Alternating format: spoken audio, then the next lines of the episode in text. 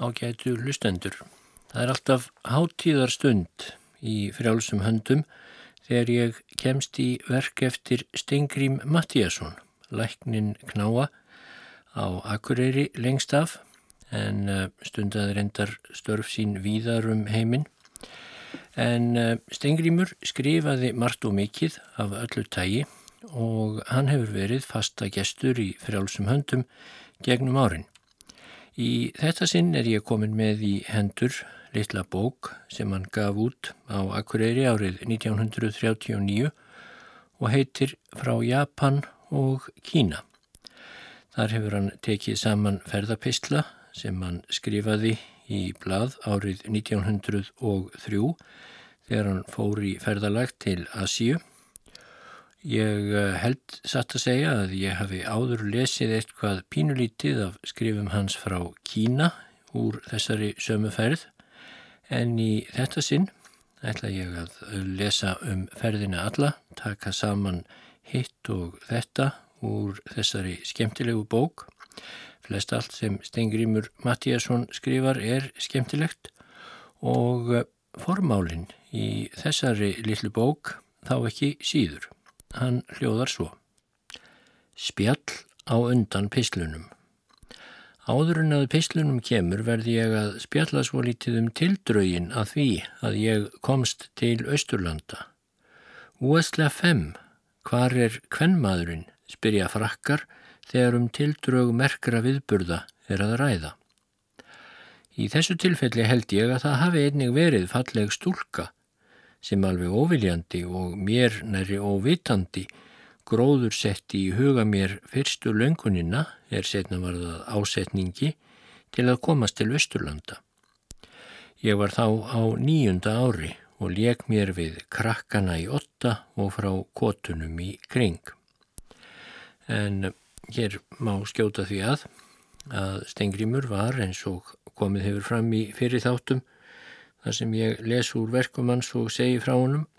Hann var sonur Mattíasar Jokkumssonar, skálds og prests og um það leiti sem Stengrimur var á unga aldri þá var Mattías um hríð prestur í otta á Rángarvöllum. En Stengrimur, sonur hans, heldur áfram formála sínum á þessa leið. Eftir leikin settumst við börnin í laud og sungum hvæði öll sem við kunnum. Þá byrtist mér hinn gullfagra Afrodíte í líki fríðrar bóndadóttur sem kom aðvíðavandi og settist hjá okkur börnunum og söng. Hún bauðst til að kenna okkur nýtt lag og við lærðum það strax því það var einfalt og fallegt. Það var lægið og orðin til austur heims vil ég halda. Þessi stúlka var 15 ára og nákvæmni okkar en hún hafði verið árstíma í burtu í annari sveit.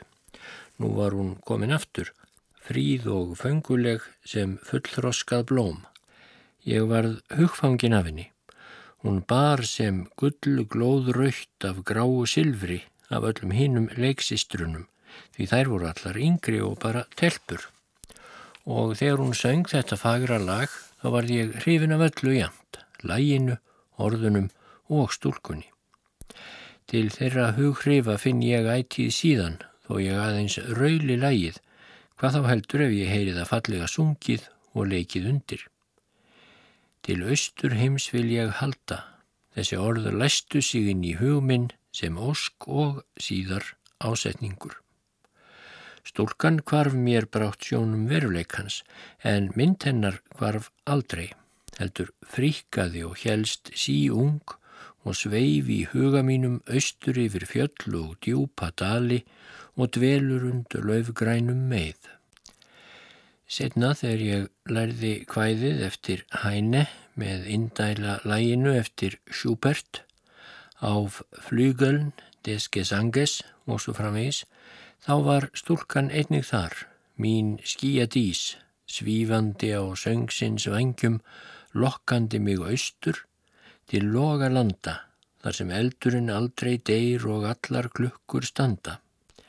Ástarkiði en Afrodíte og ástarguðin Eros eru máttugust allra guðana og þeim á ég mest að þakka að ég komst til Östurlanda og skemmti mér þar vel. En það sem til mannanakasta kom í að greiða för mína skal ég geta þess sem hér segir. Árið 1897 var stopnað Östur Asíufélagið danska. Fyrir góða stjórn og hefni í tíma og tækifærum þá varð félag þetta brátt ríkt og voldugt og kom sér upp myndarlegum stórskipaflota og nú hófust reglulegar ferðir millir Danmerkur og Asíulanda. Og félagið kefti lönd og skóa í Östurindlandi og flutti miljóna virði í varningi fram og aftur millir heimsálfana. Þá fóru ímsir málsmetandi danir í kynnisferðir með skipunum og hverju skipi var læknir til að líta eftir heilsufari, hásetta og farþega. Ég var þá að ljúka námi við Hafnarháskóla og langaði að komast austur sem skipslæknir strax að loknu prófinu. En spílinn lág ekki þannig og það varð köllun mín að fara fyrst heim og vera árstíma aðstóðarlæknir hjá Guðmundi Hannesinni lækni á Akureyri.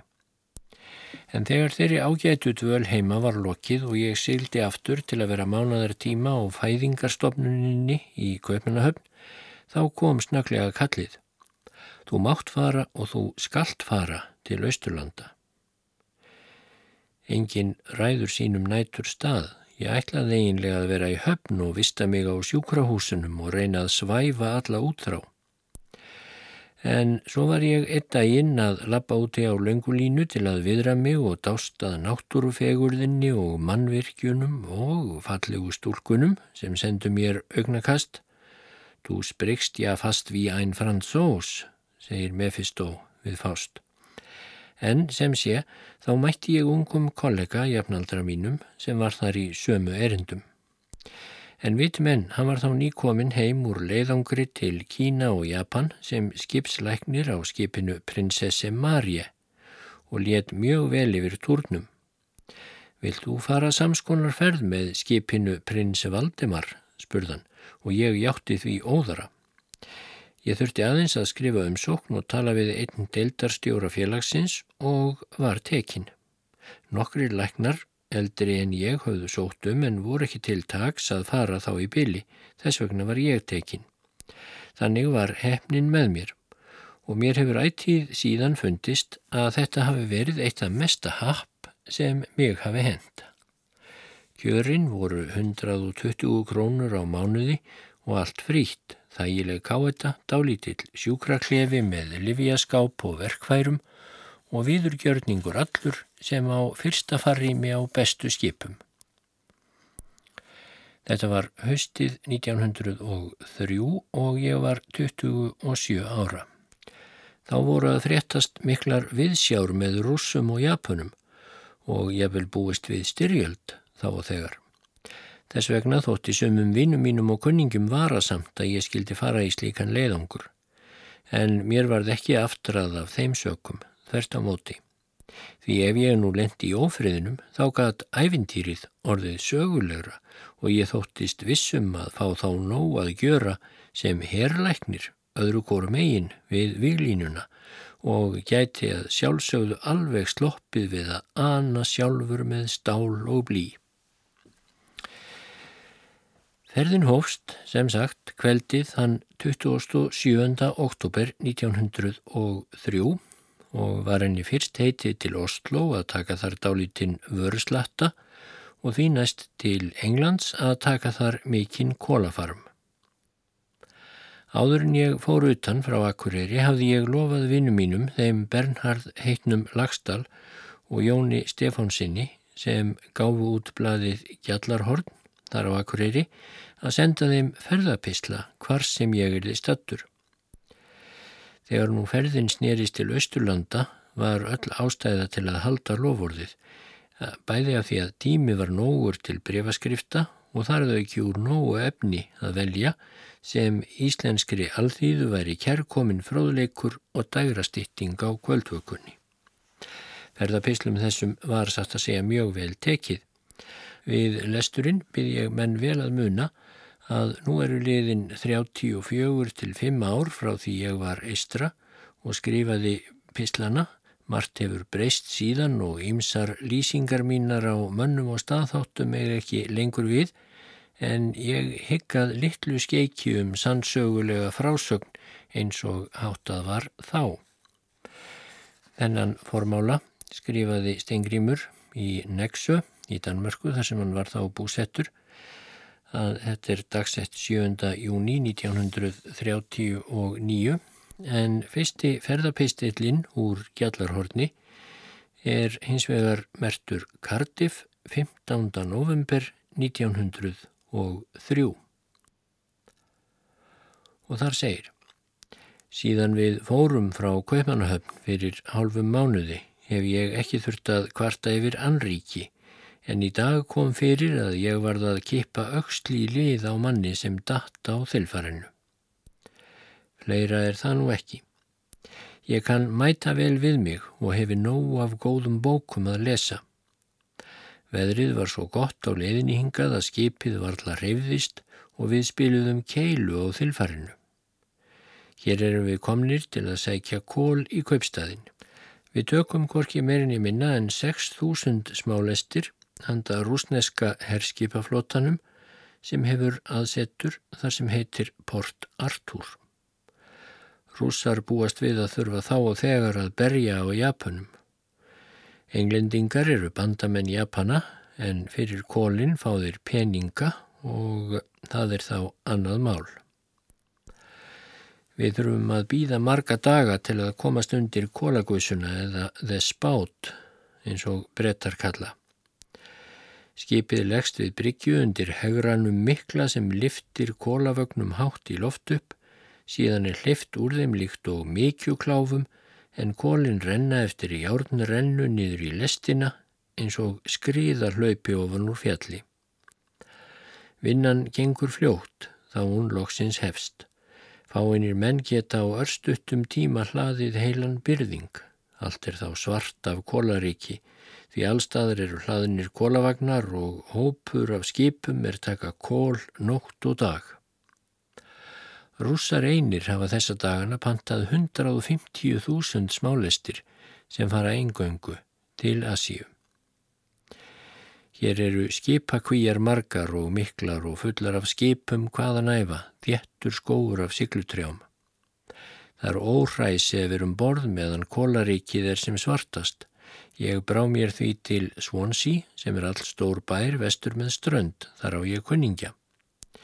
Því næst hef ég farið upp í Cardiff sem er bær með 120.000 íbúum og liggur míluvegar burtu. Ensku hjártbröytarvagnarnir þjóta hraðara en hesti er sigað en hvað er það í samanbörði við flíti ramagsvagnarna sem munu innan skams koma í staðu guðuvagnarna. Þeir fljótustu ramagsvagnar hafa komist 28 danskar mílur á klukkustund, það næstum eins og ef kolvi væri skotið. Með þeirri ferð kemumst við frá Akureyri til Reykjavíkur á tveim, þrem tímum, en það vantar vegin góðan. Hvað sem því líður, ég hef komið til margra enskra stórbæja, allstaðar er sama snið á öllu, sama fólkið, sami háfaðin, húsin, búðir og auglýsingar, allt er eins. Eitt af því fyrsta sem maður fræðist um í ennskum stórbæ er að Pers sápa sé besta sápan og að Beachams pillur lækni jæmt magaveiki sem mildisbólgu. Auglýsingar allavega lítar eru allstaðar á Breitlandi jæmt á kömrum sem kirkjum, já, jável mönnum. Ég tal nú ekki um að kallar eru leiðir til að bera stórar auglýsingar í bak og fyrir um göturnar og heita sandwiches. En sama orð, sandwich, táknar tvær samanlagðar smurðar brauðsneiðar með kjöti á milli. En líka sjást betlaragrei vekja eftirtekt og meðungun með stórum stöfum framann á brjóstinu, til dæmis steinblindur eða mállaus og vittlaus og svo framvegis. Ég gef þeim sjö öyra eða penni og er að þessu leiti betri en fjöldin sem framhjá gengur og kæri sig kollóttan. Háfaðin af götunum stafar á ímsum, vagnskröldi, mannagangi, samtali, söng og hrópi, Stráknokkar æpa hástöfum um eldspítur og dagblöð inn í erið á mér. Stúlka af flökkumannakinni, sígauner, hún spilar á lírukassa á hjólum. Áfast við lírukassan er karfa og í henni mánaðar gammal krakki, lausalegs auðvitað. Hún man ekki upp á víst hvort krakkin er getinn í Austuríki eða á Spáni Hver fadurinn er mann hún heldur ekki par en spilar á lírukassan eins og hún væri að spóla. Annað handverk kann hún ekki og hún fær sjööðra frá mér. Það sem stundum eikur háfaðan enn meira er hjálpræðisherrin sem oft kemur fram á vývöldin. Heilar fylkingar fara með söng og hljóðfæraslætti, bumbur, barðar og sungið á symfón og salteríum eins og þar stendur. Ferðinni er vanalega heitið til einhvers hluta bæjarins þar sem Bakkus og Venus skemta skollanum úr hófi fram. Þar er svo aðal áhlaupið gjört með hundrað barka sálmasöng, formælingum og fjandagangi. Hvað er að frétta? Hvað er títt? Ég kaupi dagblad af einum smástráknum sem hrópar hæst. Það kostar líka sjö öðra. Yfir höfuð að tala þá renna sjöaurarnir út eins og væri gat á vasa mínum.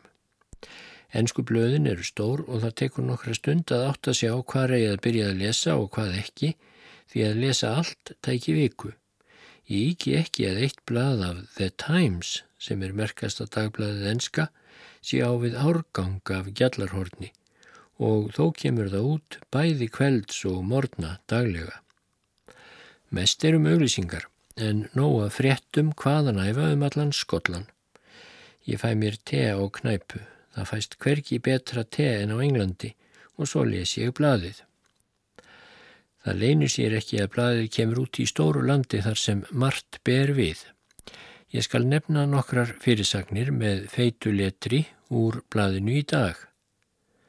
Í fyrsta lagi stólið tveggja miljóna króna virði í demöntum í döblinn þjóðurinn strókin til vesturheims. Í öðru lagi, maður skar unnustuna á háls með raknýf, hann verður hengtur. Í þriðja lagi, kona ber út barn sitt. Í fjörða lagi, hestur fær slag, honum er slátrað á göttunni.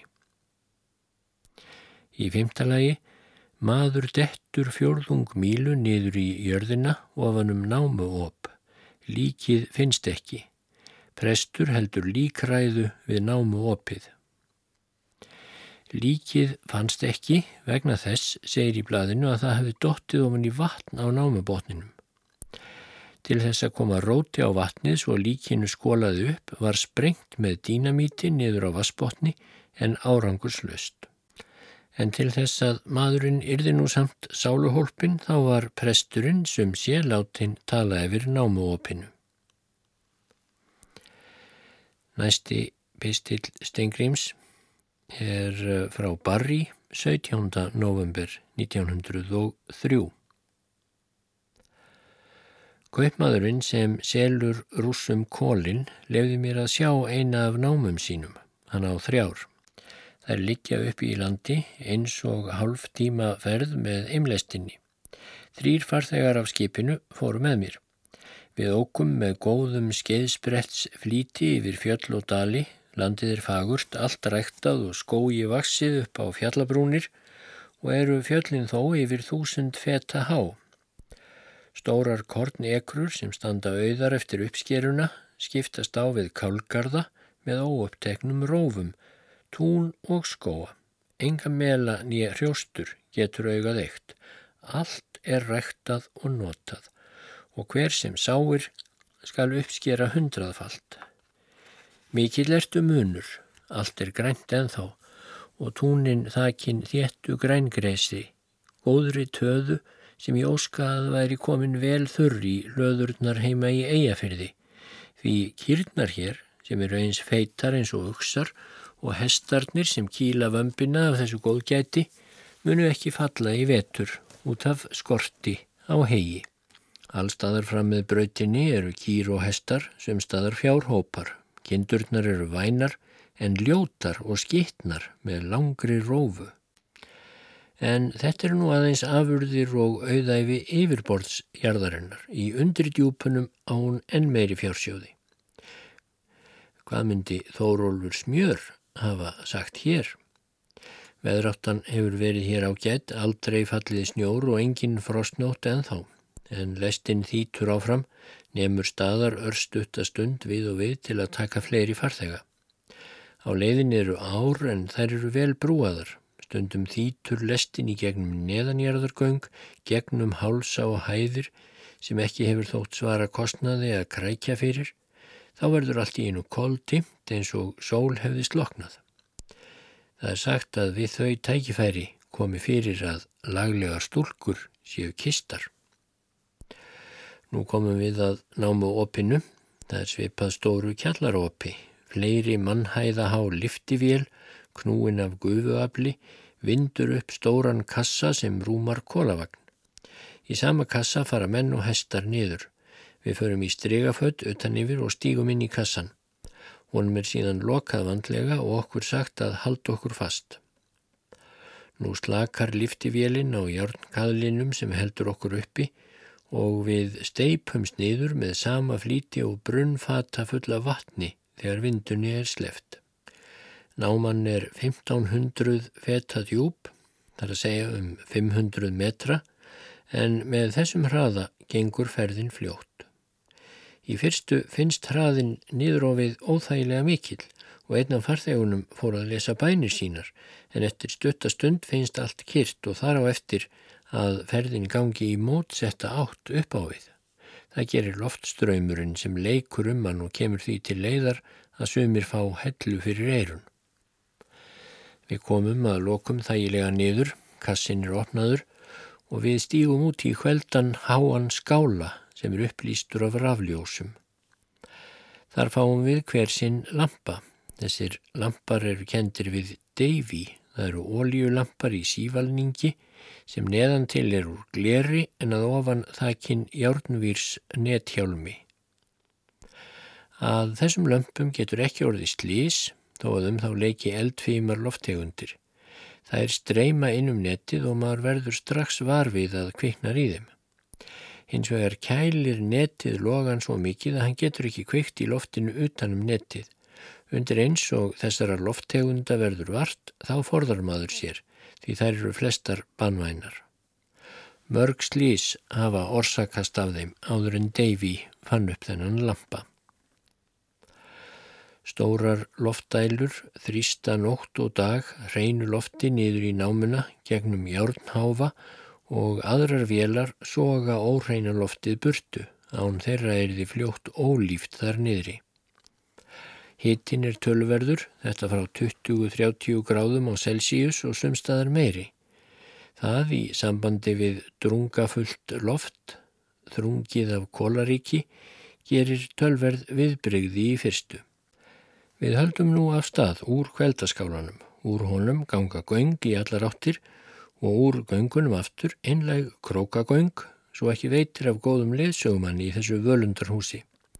Göngin eru misjaflega stór sem eru tveggja mannhæða há með múruðum veggjum og allvel upplýst en flest eru aðeins þryggja álna há, dimm og vegginnir reftir trjádrömbum til að varna hruni. Eftir öllum göngunum gengur járnbraut og stórir hestar draga fulla kólavagna. Littlir hestar eru annars víða notaðir, þar á meðal íslenskir hestar. Littlu hestarnir verða allir blindir eftir nokkur tíma þarna niður í námunum, en þeir stóru ekki, að mér er sagt. Niður í námunni eru hesthús fyrir alla hestana. 98 eru í þessari. Þessir hestar sjá aldrei dagsins ljós, en feitir eru þeir og lítur út fyrir að vel sé með á farið. Gamal Karl sem erfiðað hefur í námunni í 40 ár er leitögi okkar.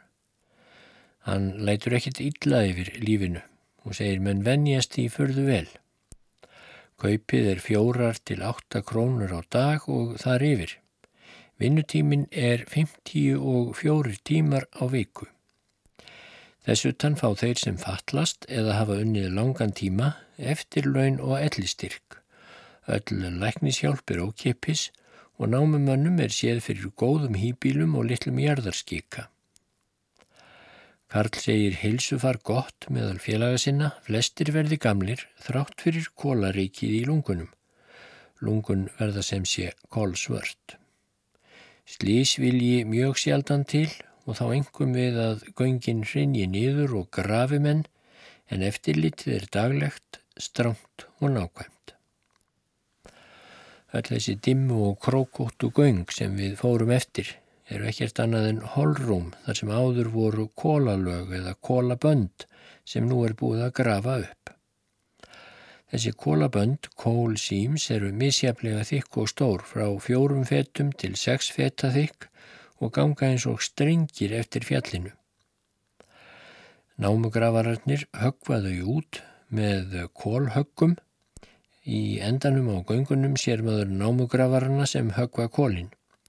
Þeir standa þar hver við sinn lampa, eru sumir léttklættir, sumir berir niður að mitti, kámugir af svita og kólum, næstum kólsvartir og högva án afláts kólin en aðrir taka við og láta í vagnana. Niður í göngunum er sem sagt dimt og draugalegt og mennirnir sem bógra þarna kólsvartir Í döfri ljósklætu frá lömpunum minnaðir mann óneitanlega á púkana og lífið hjá þeim volduga flugnahöfðingja hvers verkum og öllu aðtæfi maður afneitaði með fullir í sannfæringu við ferminguna og vonandi oft síðan. Hér niðri er annars mesta kyrð og ró aðeins heyrist týst í engisbrettum og nag í róttum. Hér hvað vera mikið af þeim. Þær eru íllir gestir Því bæði getaðir fóður hestana og uh, trjárjáfrin yfir göngunum og geta með því unnið stór tjón. Fjórtán öyrar eru settir til höfuðs hverri róttu. Eftir nokkurs tíma ráf fram og aftur fórum við afturinn í kassan og upp í dagsljósið. Engum var einn af félagum mínum fegin að sleppa eftir mörg öðru orð niður í námunni. Ferðin upp gengur ákaflega fljótt og vekur sömu ennkennilegu tilfinningar og svo við. 1400 smálestir af kólum eru unnin daglega í þessum þremur námum sem ég áður nefndi og að því starfa 5.000 manns. Lengstu göngin eru 2.000 feta löng. Við vorum nú orðnir bísna óreinir í andliti og hendurnar svartar og þrátt fyrir vandlegan sápuþvott úr fleiri skjólum af vatni urðum við að taka laug þegar við komum heim til að líkjast þriflegu fólki. Við gáfum Karli nýju krónur fyrir góða fylgd og fórum svo með ymreiðinni sömu leið og við komum tilbaka.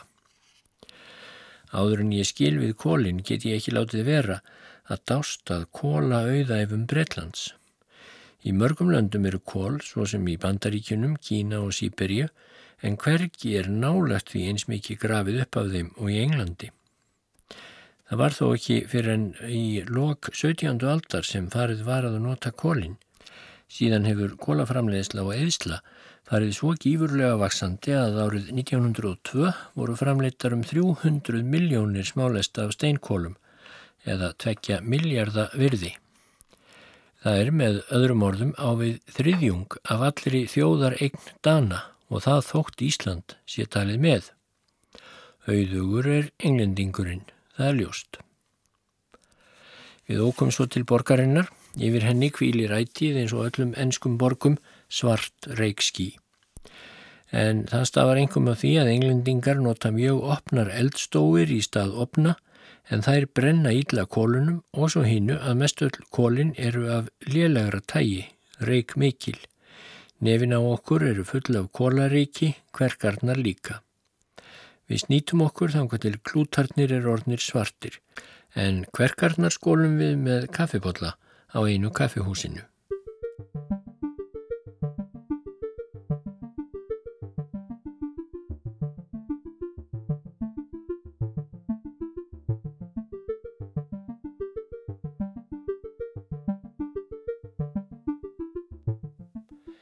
Prins Valdimar 1. november 1903 Með hvið skipsins fullan af kólum, hvötum við barri fyrir viku síðan.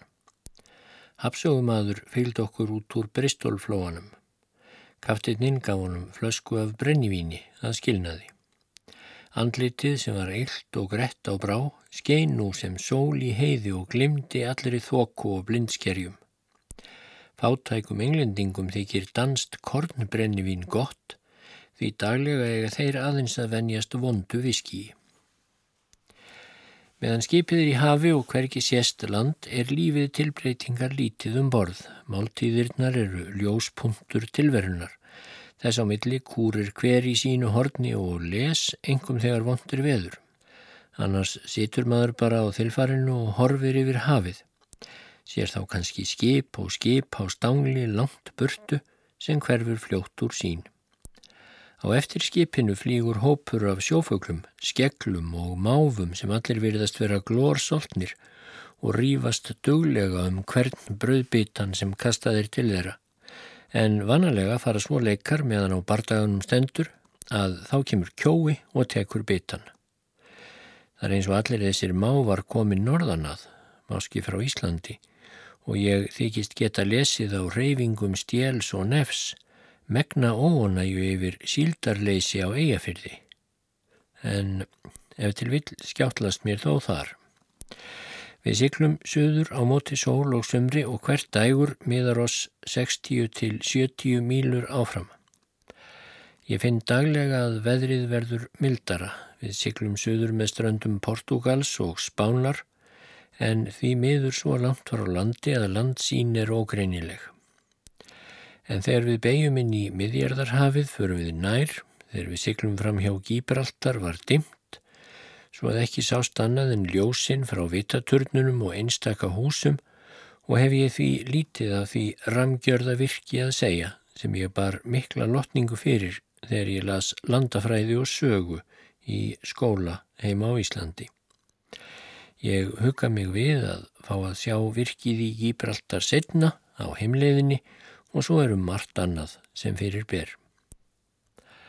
Hafið tekur lítaskiptum þegar kemur söður fyrir Lissabon. Það verður miklu dekra, dimmblátt og gefur það orðurindar litla hugmyndum litin.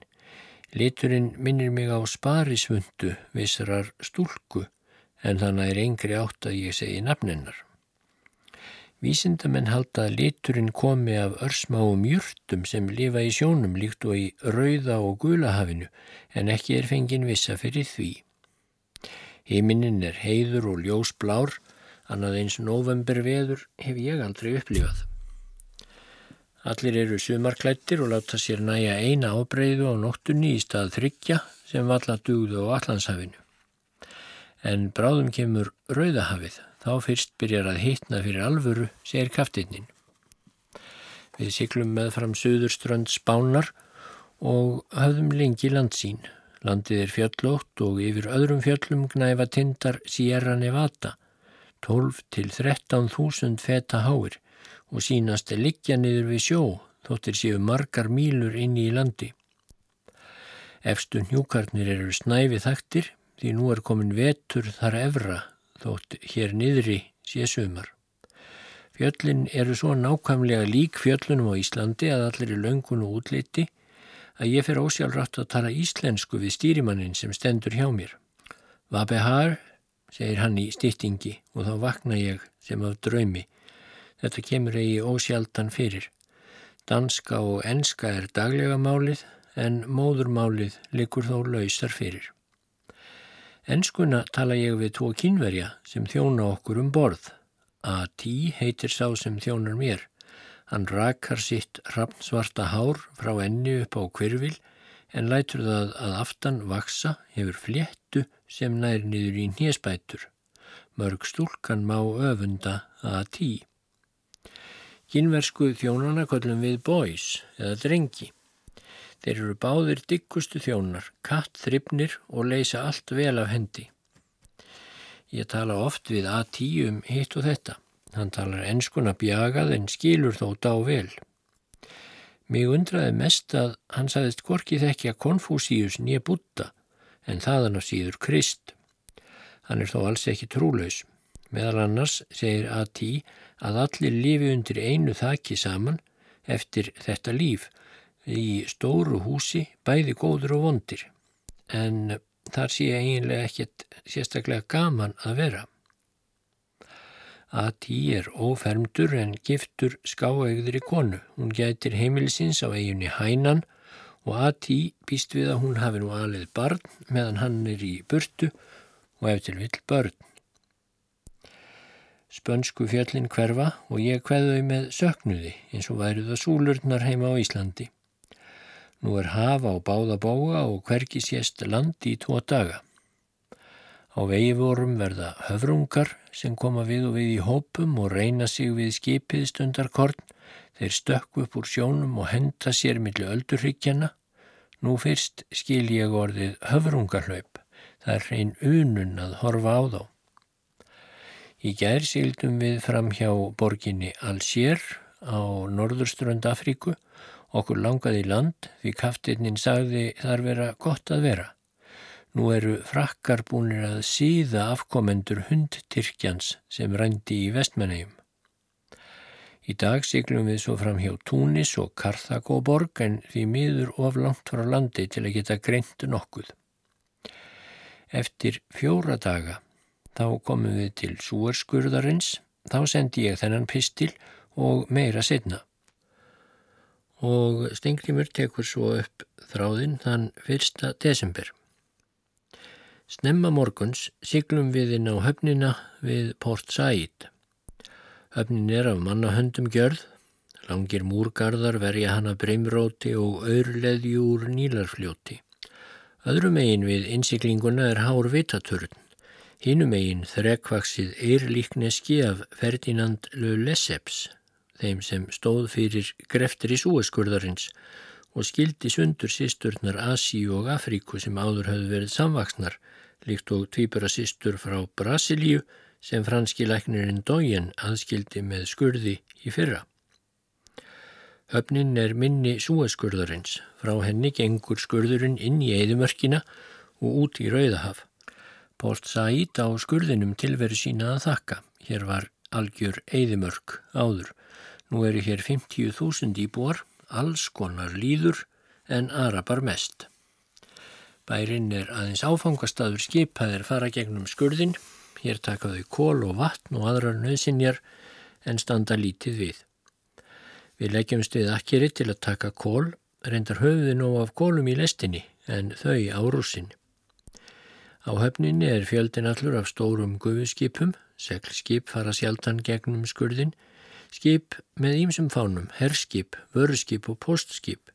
Engum líst mér vel á postskipið sem gengur millir Brindisi á Ítalju og Port Said.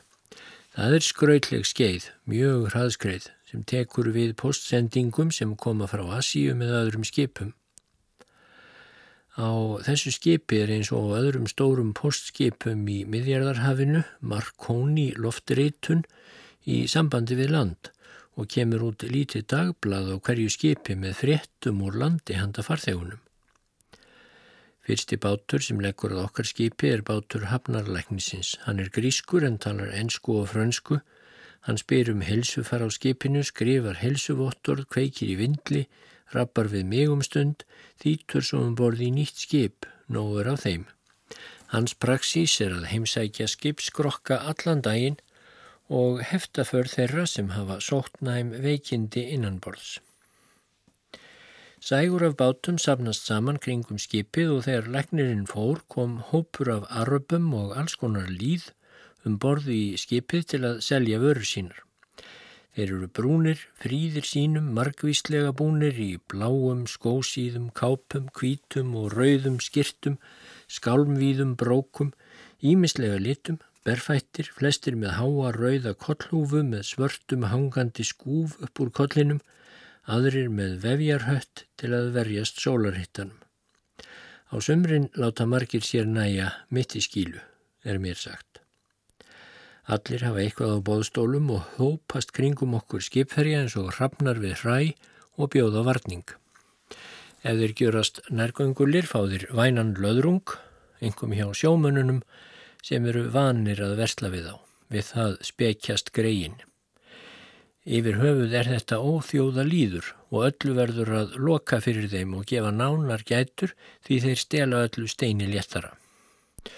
Vörðnar eru brefspjöld með myndum, alls konar horn ekifskir munir sem reyndar eru tilbúinir í fyrra á Þískalandi, glingur og krossar frá Jérúsalem, sömuleiðis frá Þískalandi, döðlur, hnotur, eppli, appelsínur, tópak og vindlingar, myndir af nögtu kvennfólki og alls konar myndir sem hvergi annar staðar er liftað að selja og margt, margt fleira. Allt þetta á að kosta ærið fjö en með því að prúta lengi fær maður það fyrir 25 öðra sem áttið að kosta 5 krónur en sjaldan sleppur neitt alveg óprettaður úr viðskiptunum samt. Nú koma kólinn, sex stórir flatbotnaðir bátar fullir af kólum og aröpum leggjaða báðum skipsliðunum. Frá hleraopum á hliðunum er borðum skotið niður í bátana og eftir þeim bera nú arapartnir sem eru skittnir og ítla til fara, körfur á bakinu fullir af kólum og hella úr þeim niður í lest. Vinnan gengur fljótt og fjörugt, hver körfuberinn rekur annan syngjand og hóandi í stöðugri halarófu. Aðrir taka við tómukörfunum og fylla þær niður í bátunum. Gamlir arabar standa hjá sem umsjónurmenn með prík í hendi, reyðu búnir að berja hryggin á þeim sem ekki eru nógu fljóttir og það vil til að príkið dansar eftir hryggnum og einum garminum sem var á setn. Flestir kólaberarnir eru unglingar. Þeir fá þess meiri borgun sem þeir eru fljóttari að tæma bátana og það gengur líka undur fljótt. Þetta líf og fjör í kólavinnslunni í Port Said er svo engjannlegt þeim sem er í fersku minni kóla uppskipun í Reykjavík fyrir aldamótin þegar út taugaðar fátækar konur og gamalmenni streyttust með vættarpoka upp bryggjurnar. Kólakorfurnar eru minni og léttari en arabarnir eru sveikulir þjónar. Það er sagt að þegar þeir á nóttunni ferma skip með kólum þá sé algengt að þeir kasti stórum kólamólum fyrir borð til þess að veiða þá upp setna og selja. Nú höfum við séð nóg af þessu og förum í land.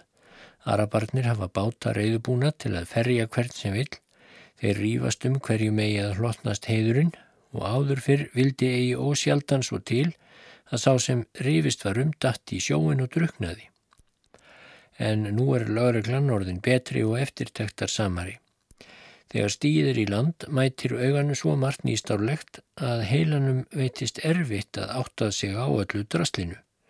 Aðeins góðar litmyndir geta líst því eins og til dæmis hennar ágætu myndir í Nýja testamentinu sem Jóns trúbóði gaf út.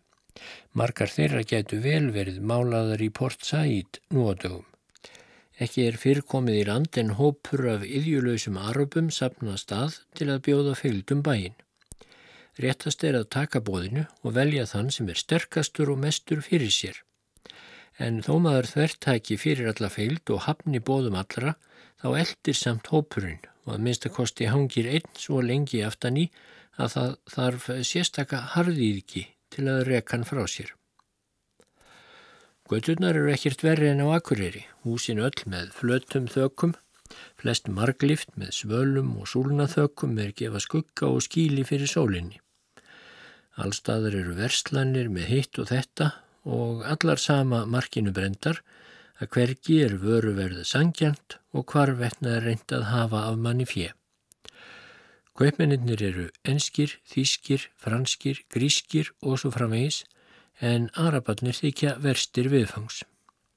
Hér ægir alls konar þjóðum saman, ekki einungis ferðarfólki sem kemur hingað og fer með skipunum, heldur hitt og þetta fólk sem hingað hefur sapnast og á hér heima.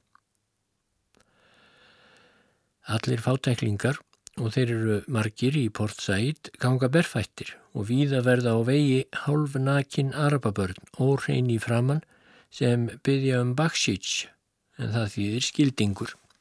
Ef einu er gefið þá koma öll hinn óðara og ætla mann að æra. Ég gaf þremur krökkum öyra fyrir að standa fyrir myndavílinni minni en undir eins fyltist gatan af krakka móri, öll vildu þá setja fyrir. Ég tók mynd af hópnum en svo var friðurinn úti, öll gerðu tilkall til skildinga með dómadags háfað og látum og ég var í miðri þvögunni.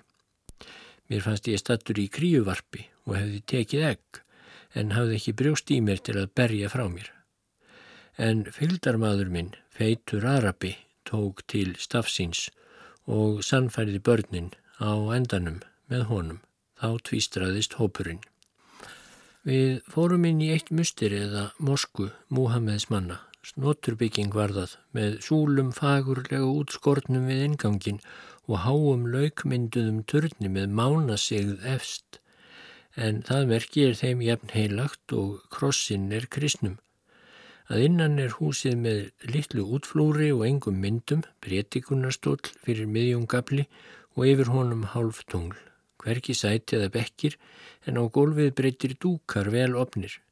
Prestur í ermvíðri, skósýðri, flaksandi hempu tók á mót okkur með djúpri neyingu um leið og hann syngdi sig. Það þótt okkur óþarfa kurteysi en það átt að þýða að hann með hug, hjarta og munni vildi þjón okkur. Hann benti með hægri hönd á enni munn og brjóst en þetta er hverja Múhameðs manna.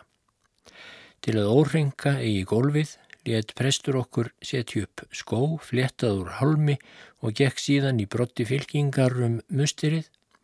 Á gólfinu lágu hér og hvar arabar í þögulli bæn, sumir virtust sofa en enginn mælti orð. Flestir lágu á njánum með enni niður við gólf en aðri lágu í kút út í horni og virtust steinsofa þar. Þegar við komum svo út, settumst við í forsælu súlnaþaks framann við veitingaskála og fengum tyrknest kaffi. Það er borið sjóðheitt í látúnskrökkum. Korgurinn er ekki síður frá en sikur settur út í áður en það kemur og svo er það drukkið rjóma löst og er mikið af korg í síðasta sopanum. Það þykir aröpum besti sopin. Kaffið er lút stert en ljúfengt. Meðan við sátum þarna komu stöðugt varningsmenn að bjóða vörur sínar Þá kom og íþróttamaður til að sína fimmleika. Hann breytti dúk á jörðina og á dúknum begðan sig og bretti allavega, stóð á höndum og höfði og stifti sér kollnís í loftinu og svo framvegis og sníkti svo auðra á eftir. Þá kom annar, hann settist óbóðinn fyrir framann okkur og byrjaði að galdra í gríð og erg. Hann hafði meðferðist þrjá hænuunga en hvernig honum tókst að toga nýjan og nýjan kjúkling út úr endanum og einum þeirra, hvað eftir annað, yfir gekk vorn skilning. Eftir nokkra stund sló hann kjúklingana með flötum lofa niður í jörð og sáum við á ekki framar. Að lokum fekk hann stóran silfurpening lánaðan, þann galdraðan niður í vestisvasa kaftinsins, þaðan í buksnavasa vélstjóra og þaðan í kreftagreip mína, þaðan svo niður í vasa sinn og þá fekk hann peningin til eignar og með það fóran án þess þó að hverfa á yfir náttúrulegan hátt í eldglæringum eins og við vorum farnir að halda.